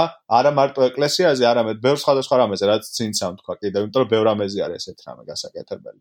მაგრამ ახლა ეს რახან აქტუალური გახდა ასე ძალიან და რახან ნახეთ ჩვენი სახელმწიფოს უსუსურობა და რახან ჩემი აზრით სწორ პოზიციას ელის ხალხი. იმიტომ რომ არავინ არ გვეუბნება, ყველა გვეუბნება რაღაც აბსოლუტურად მართლა ირაციონალურ ექსტრემისტულ მოსაზრებას, რომ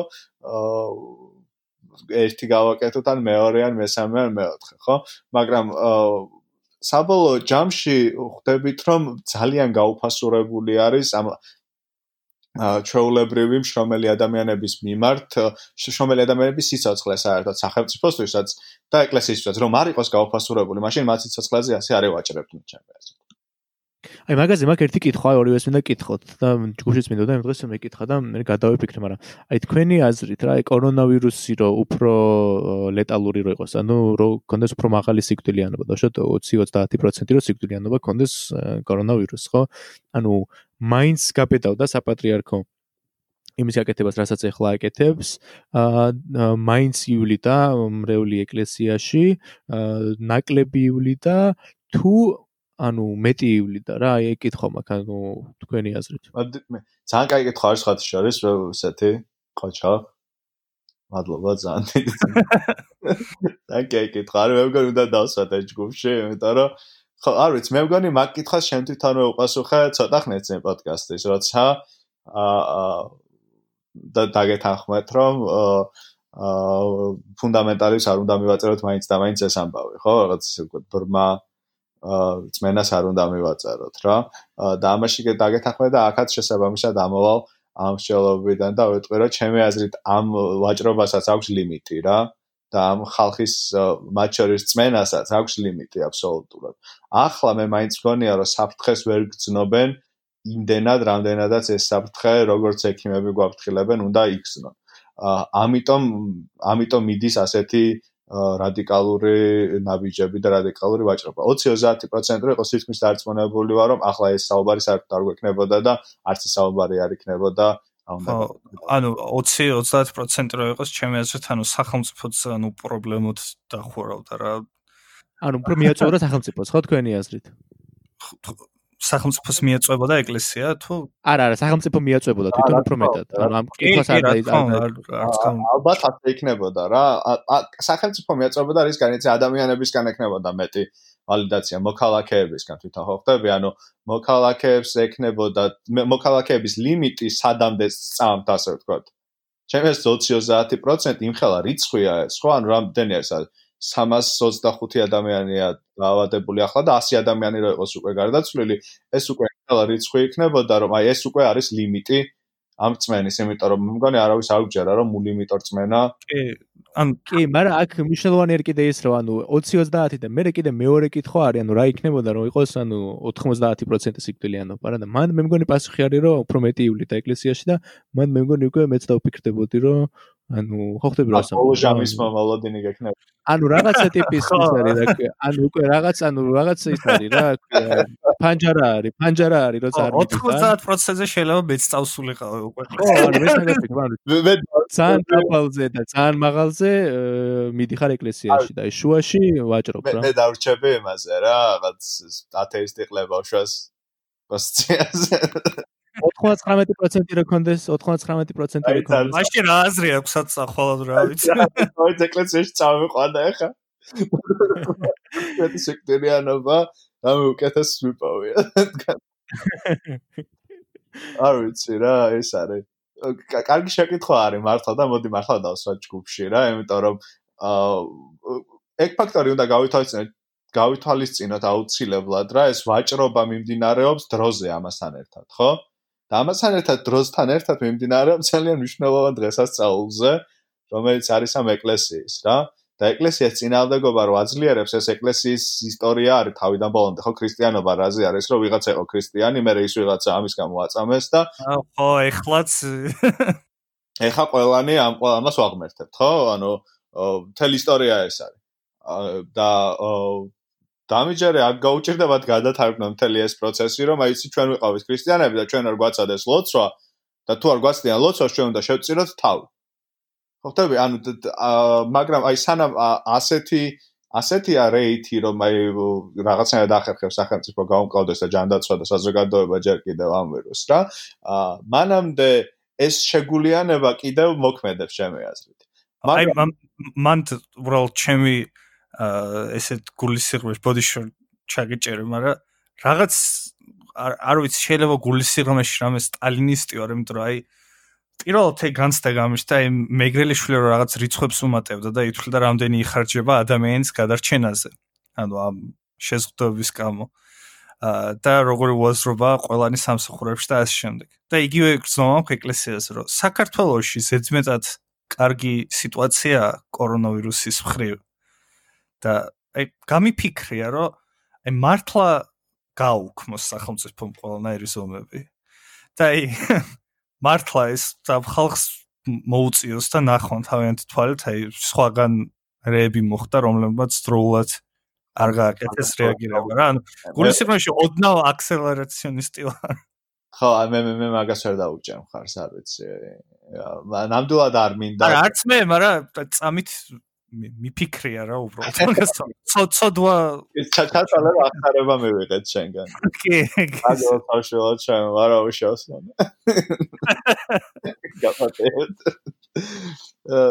ცოტა ტექსელერაციონიზმი შეგვეყარება ხოლმე ყველას. მაგრამ არ მე მართლა მეშინია. მოდი ამით ამას მაინც ვიტყვი იმიტომ რომ ჩვენ საუბრობდით მანამდე მე და ძეცა სანამ ჩავიწყე დავიწყებდით ჩაწერას რომ ესეთი მგონი მგონი პირველად თქვი საერთოდ ესე გულწრფელად რომ მე ცოტა მე შემეშინდა მეთქი მეც რა იმიტომ რომ ბევრი ადამიანის ჯანმრთელობის მეშინია, ჩემი ჯანმრთელობისაც რა თქმა უნდა მეშინია, ჩემი ოჯახის ჯანმრთელობის მეშინია და ასე შემდეგ.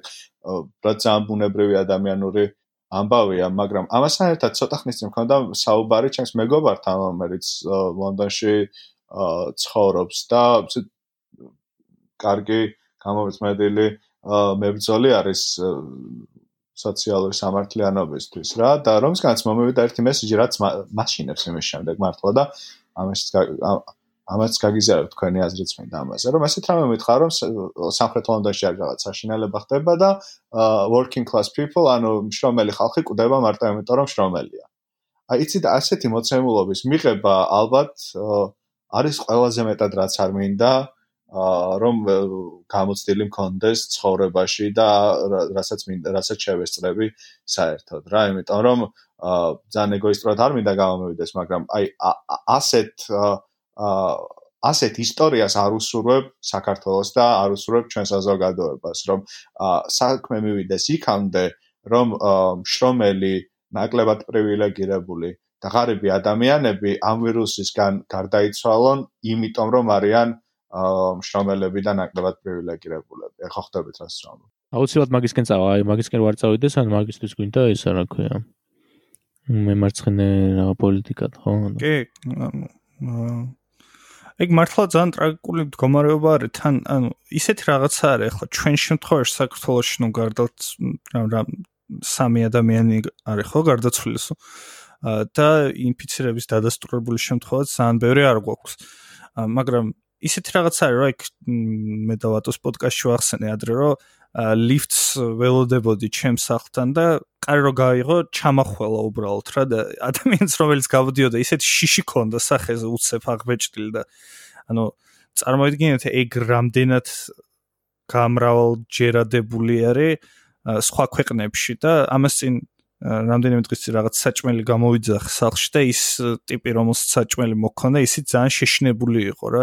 და ანუ მაგის შიში დავინახე რომ მე იმას ანუ იმასთან შედარებით მე ძალიან პრივილეგირებული ვარ ალბათ ანუ ზოგადად თვაცნობიერებ მაგას მაგრამ აი ამერიკაშიც ჩანს ამერიკის მაგალითზე ყველაზე ნათლად რომ ეს კორონავირუსი რეალურად ურტყავს ყველაზე მოწყლა ჯგუფებს ხო? მაგალითად ამერიკაში შავკანიანებსაც და თეთკანიანებს შორის არის ძალიან განსხვავება მსხვერპლს შორის და მათ შორის ინფიცირების რიცხვებს შორის გონი ზოგ ზოგ ადგილებში აა კურიერებს სხვათა შორის ამას რა ზამენ დამეთქვა რამდენად დიდ რისკში რამდენად რისკ დიდ რისკს წევენა რა ანუ კი. და დაწონებული ვარ არც ანუ უანაზღაურდებათ. შესაბამისთან მიახლოებით ყველაფერი რა. მაგრამ იცი რა გამოაჩინა კიდევ და ეს აქცენტი მემარცხენე აქცენტი ძალიან მნიშვნელოვანი იყო კორონავირუსზე ხო? რა არის essential worker ხო? ანუ რა ანუ ვინ არიან აუცილებლები რომ საზოგადოება მიმუშავოს ვისი შრომა არის აუცილებელი იმისთვის რომ სოციმედია მენეჯერები არ და ვინ არის პარაზიტები სოციალ მენეჯერებზე თუ არის პარაზიტი აა კი ანუ გამოაჩინა ეს არა და გამოაჩინა მათ შორის საქართველოსშიც. აა საქართველოსში ამ ყველაფერს ჩემი აზრით ძალიან დიდი მნიშვნელობა აქვს იმიტომ რომ ჩვენი შრომის კანონმდებლობა ვიცით რამდენად დრაკონულია და ვიცით რამდენად დაუფასებელი არის ამ ქვეყანაში ადამიანის შრომა. მაგრამ არ ვიცი აი მე ჩემი პესიმიზმი არ მინდა გადმოგდოთ, მაგრამ ძალიან მინდა რომ მე ძალიან მინდა და რომ მე თქვა რომ იცი ამ ამბის მერე ცოტა ჭკუას ვისწავლით და საზოგადოებაში ხედავ ნიშნებს ან სახელმწიფოში ხედავ ნიშნებს ან ასე შემდეგ რომ მეტად დაუჭერენ ხარს ამ შრომელებს. აა მაგრამ ამას ვერ ვხედავ და ეს ძალიან არა არც მე. არა და ძალიან ბევრი პოსტი ვნახე მათ შორის აი ჩემი მეგობრების რომლებიც ბრიტანეთში ცხოვრობენ და საზღვარგარეთ ცხოვრობენ აა დიდი მხარდაჭერა იყო გამოხატული ამ ადამიანების მიმართ, რომლებიც ახლა ამ მომენტში მუშაობენ და ეს არ ეხებოდა მხოლოდ და მხოლოდ მხოლოდ ექიმებს, ხო? ანუ ეს ეხებოდა სუპერმარკეტის თანამშრომლებს და ასე შემდეგ და ასე შემდეგ. ხო, კორბინის სიტყვაშიც იყო ეს ყველაფერი დიდი ნაწილი ეთმობოდა და ის იყო რა, ანუ საზოგადოება უფრო მეტად солиდარული იყო. აა, მაგრამ აქ ესეთი ნარატივი საერთოდ ვერ დავინახე რა. აა ამაც ცოტა გამაკვირვა და ცოტათი გულის დამწყვეტა სიმართლე რა გითხრათ. ამ ის რა ქვია, არადა რამხელა ისა ფანჯარა არა მართლა იმაგის თემების წამოსაწევად გული დამწყვეტად ვერ ვიტყოდი, იმიტომ რომ აა ვინც ვიც უნდა გაეჟღერებინა, ხო, ანუ ვისგან შეიძლებაოდა რომ ამ მედია, ამ მედია გარემოში ამ აი ამ ორგანიზაციულ ლანდშაფტში ანუ ვისგან შეიძლებაოდა რომ გვეფიქრა რომ აი ხა ეს ხალხი ამ დროს გამოიყენებს იმისთვის რომ აგვიხსნას ვინ აკეთებს სოციალური ღირებულებით სოციალურად მნიშვნელოვან საქმეს და ვინ არ აკეთებს ხო? ჩვენ ყოველს ახლა მედია რომელიც თელი თავისი არსებობით ანუ მაგის შენიხვას ემსახურება ხო რეალურად და ამ აქაც აგზელებენ მაგას ანუ რეალურად. რა ანუ ტევ პირველზეც და ამაზეც რომ გადართოთ ანუ ნახავთ რომ შეიძლება იფიქროთ რომ ეს კორონავირუსი არის რაღაცა რაც ემართება იმებს რა ქვია კომპანიებს და ანუ მარით კომპანიების წუწუნი ძირითადად და რაღაც ყველა ნერვიულობთ რომ აბა რას იზავენ ხა ისინი რა ქვია ბიზნესები რა. და მართლა ეგრეთ შედაბეჭდილება იქნება რომ სხვა რაღაცები სანერვიულო ხდება რაღაც მე შემდეგ უკვე თუ რაღაც მეორე ხარისხოვან რა ანუ თითქოს გამართლება თუნდაც ხომ ხანდახან იმის ხსენება რომ მე ვიღაცები შესამსახური დაკარგონ და ხო თან ის რომ განაგარგეთ იციან რომ ხო ანუ რაც რაც გინდა გონზო შენ რომ ის გამოჩნდეს ახლა ამ პირობებში. აი მაგის პირიქით შენი ყვა არის ეხანდელი შენი მედია გარემოს პირდაპირ ის რა ქვია საქმე თანმად რაღაც გაგებით ისეთი ფიდბექ ლუპივით არის რა შემდგომ ეგ სენტიმენტები როგორი მიდგომაც არის მედიაში და რა საკითხებიც ხდება პრიორიტეტული, მე გადმოდის საზოგადოებაზე, იმიტომ რომ აი ცოტა ხნის წინ ჩემ სახლთან რომ მაღაზიაში ვიყავი ჩასული, იმის გამო რომ რამდენიმე ადამიანზე მეც სამ კაცზე მეც არ უშვებენ ამ მაღაზიაში ეს რამდენიმე ამ კლიენტმა ვის თუნდა და იმ მაღაზიაში რაღაცებს ყიდვა, ამ მოლარეს დაუწყო ჩხუბი ჩაულებრო რა რა უაზრობა რა ასე შემდეგ ასე შემდეგ. იმიტომ რომ ანუ მე ვფიქრობ ნაწილობრივ საზოგადოებაში ეს რომ აა კლასობრივი ცნობიერება რო არ არის, შესაბამისად ეს რაღაცა солиდარობაც არ არის თითქოს. აა იმდენად რამდენადაც შეიძლება მამდე იყო ან სხვაგან იყოს ხო? ახლა ბრიტანეთს ლეიბორისტ და ამერიკას მათ შორის მithuendes boldros ძალიან დიდი ისტორია აქვს ამ კლასობრივი солиდარობის და იგივე კლასობრივი ცნობიერების. მithumetes ახალგაზრდობაში და ჩვენთან ისეთი ის არის, რომ ჩვენთან ახალგაზრდობა უფრო არის მომართული მართლა წინ სამწავებქო გეგონება რომ კომპანიას ემართება ეს. კი და მაგასთან მიზეზები აქვს რომ ჩვენ ძალიან რადიკალურად ნეოლიბერალური ექსპერ ექსპერიმენტი ვართ რა და ისინიც კი ვინც პროგრესულები არიან და დაში მარცხნივ იხრებიან ისეთ დამოკიდებულება აქვს მაგალითად უნივერსიტეტში ვინც აბარებენ და მე ანუ მინახავს ბევრზე რა ხალხი ვინც მემარცხენეები არიან რაღაც ჰუმანიტარულ მეცნიერებებზე სწავლობენ ასე შემდეგ რომლებიც ძალიან ემპათიური უნდა იყვნენ მუშათა კლასისადმი და ჩოლებრივი ხალხისადმი როგორც ეს გამყიდველები და ეს essential worker-ები ვინც აღმოჩნდნენ. ისეთ დამოკიდებულება აქვს ამ უნივერსიტეტებში რომ აბარებენ რომ ახლა მე რო უნივერსიტეტში ჩავაბარე მე მზრდიან როგორც ელიტას. ეგ კი არა აი თავისუფალში გონი მართვაზე იყო თუ რაღაც ჩემა კლასელმა მომიყვა რომ თქვენ ახლა ისდებით ელიტა რა და იგივე არის თესეუშიც იგივე არის ილიაშიც. და ამ ახალგაზრდობას ისეთი დამოკიდებულება აქვს, რომ ხო, ჩვენ ამათ პრობლემებზე უნდა ვიზრუნოთ, ისინი ვინც წუხდნენ, ოღონდ აი შორიდან რა, მე იმასთან საერთო არ მაქვს, ანუ იმხელა კლასობრივი წვეტა არის ხშირად, რომ საერთოდ არ არის სოლიდარობა, რომ ხო, აი შენც ხელფასიანი მონახარ და მეც ხელფასიანი მონავარ რა. ენა თამბობდი მაგას სხვათა შორის და ვთქვით, რამდენიმე დიალოგში მომიწია განმარტება ადამიანების, რომ დღის ბოლოს ის ვინც აკეთებს 200 ლარს თვეში და ის ვინც აკეთებს 2000 ლარს და 4000-ს და 5000-ს აა კაპიტალიზმისთვის და ბაზრისთვის ერთნაირად არაფერს არ წარმოადგენს. ხო ხდები? ანუ ეს leverage ეს განსხვავება შექმნილი არის ძირითადად ამ ორი აა სახელფასო დონის ერთმანეთთან დასაპირისპირებლად. უფრო მეტად ვიდრე მართლა არსებობს მათ შორის რაღაც ის ხო? ამიტომ ყოველთვის მნიშვნელოვანი იქნება რომ საერთო ჯამში ყველა ამ შრომელმა რომელიც ხელფასიდან ხელფასამდე ცხოვრობს განურჩევლად იმისა რამდენი აქვს ხელფასი და რომ ერთადერთი მართლა საკუთრება არის ის დრო რომელსაც თვალს რო ახალს მაშინ ეძლევა რაღაცნაირად მოახერხოს ამ ენერგიის და ამ დაპირისპირების გადატანა მათზე ვისგანაც მართლა მოდის პრობლემა, ვისგანაც მართლა მოდის პრობლემა, რა მათზე ვინც არის მართლა პრობლემის სათავეში.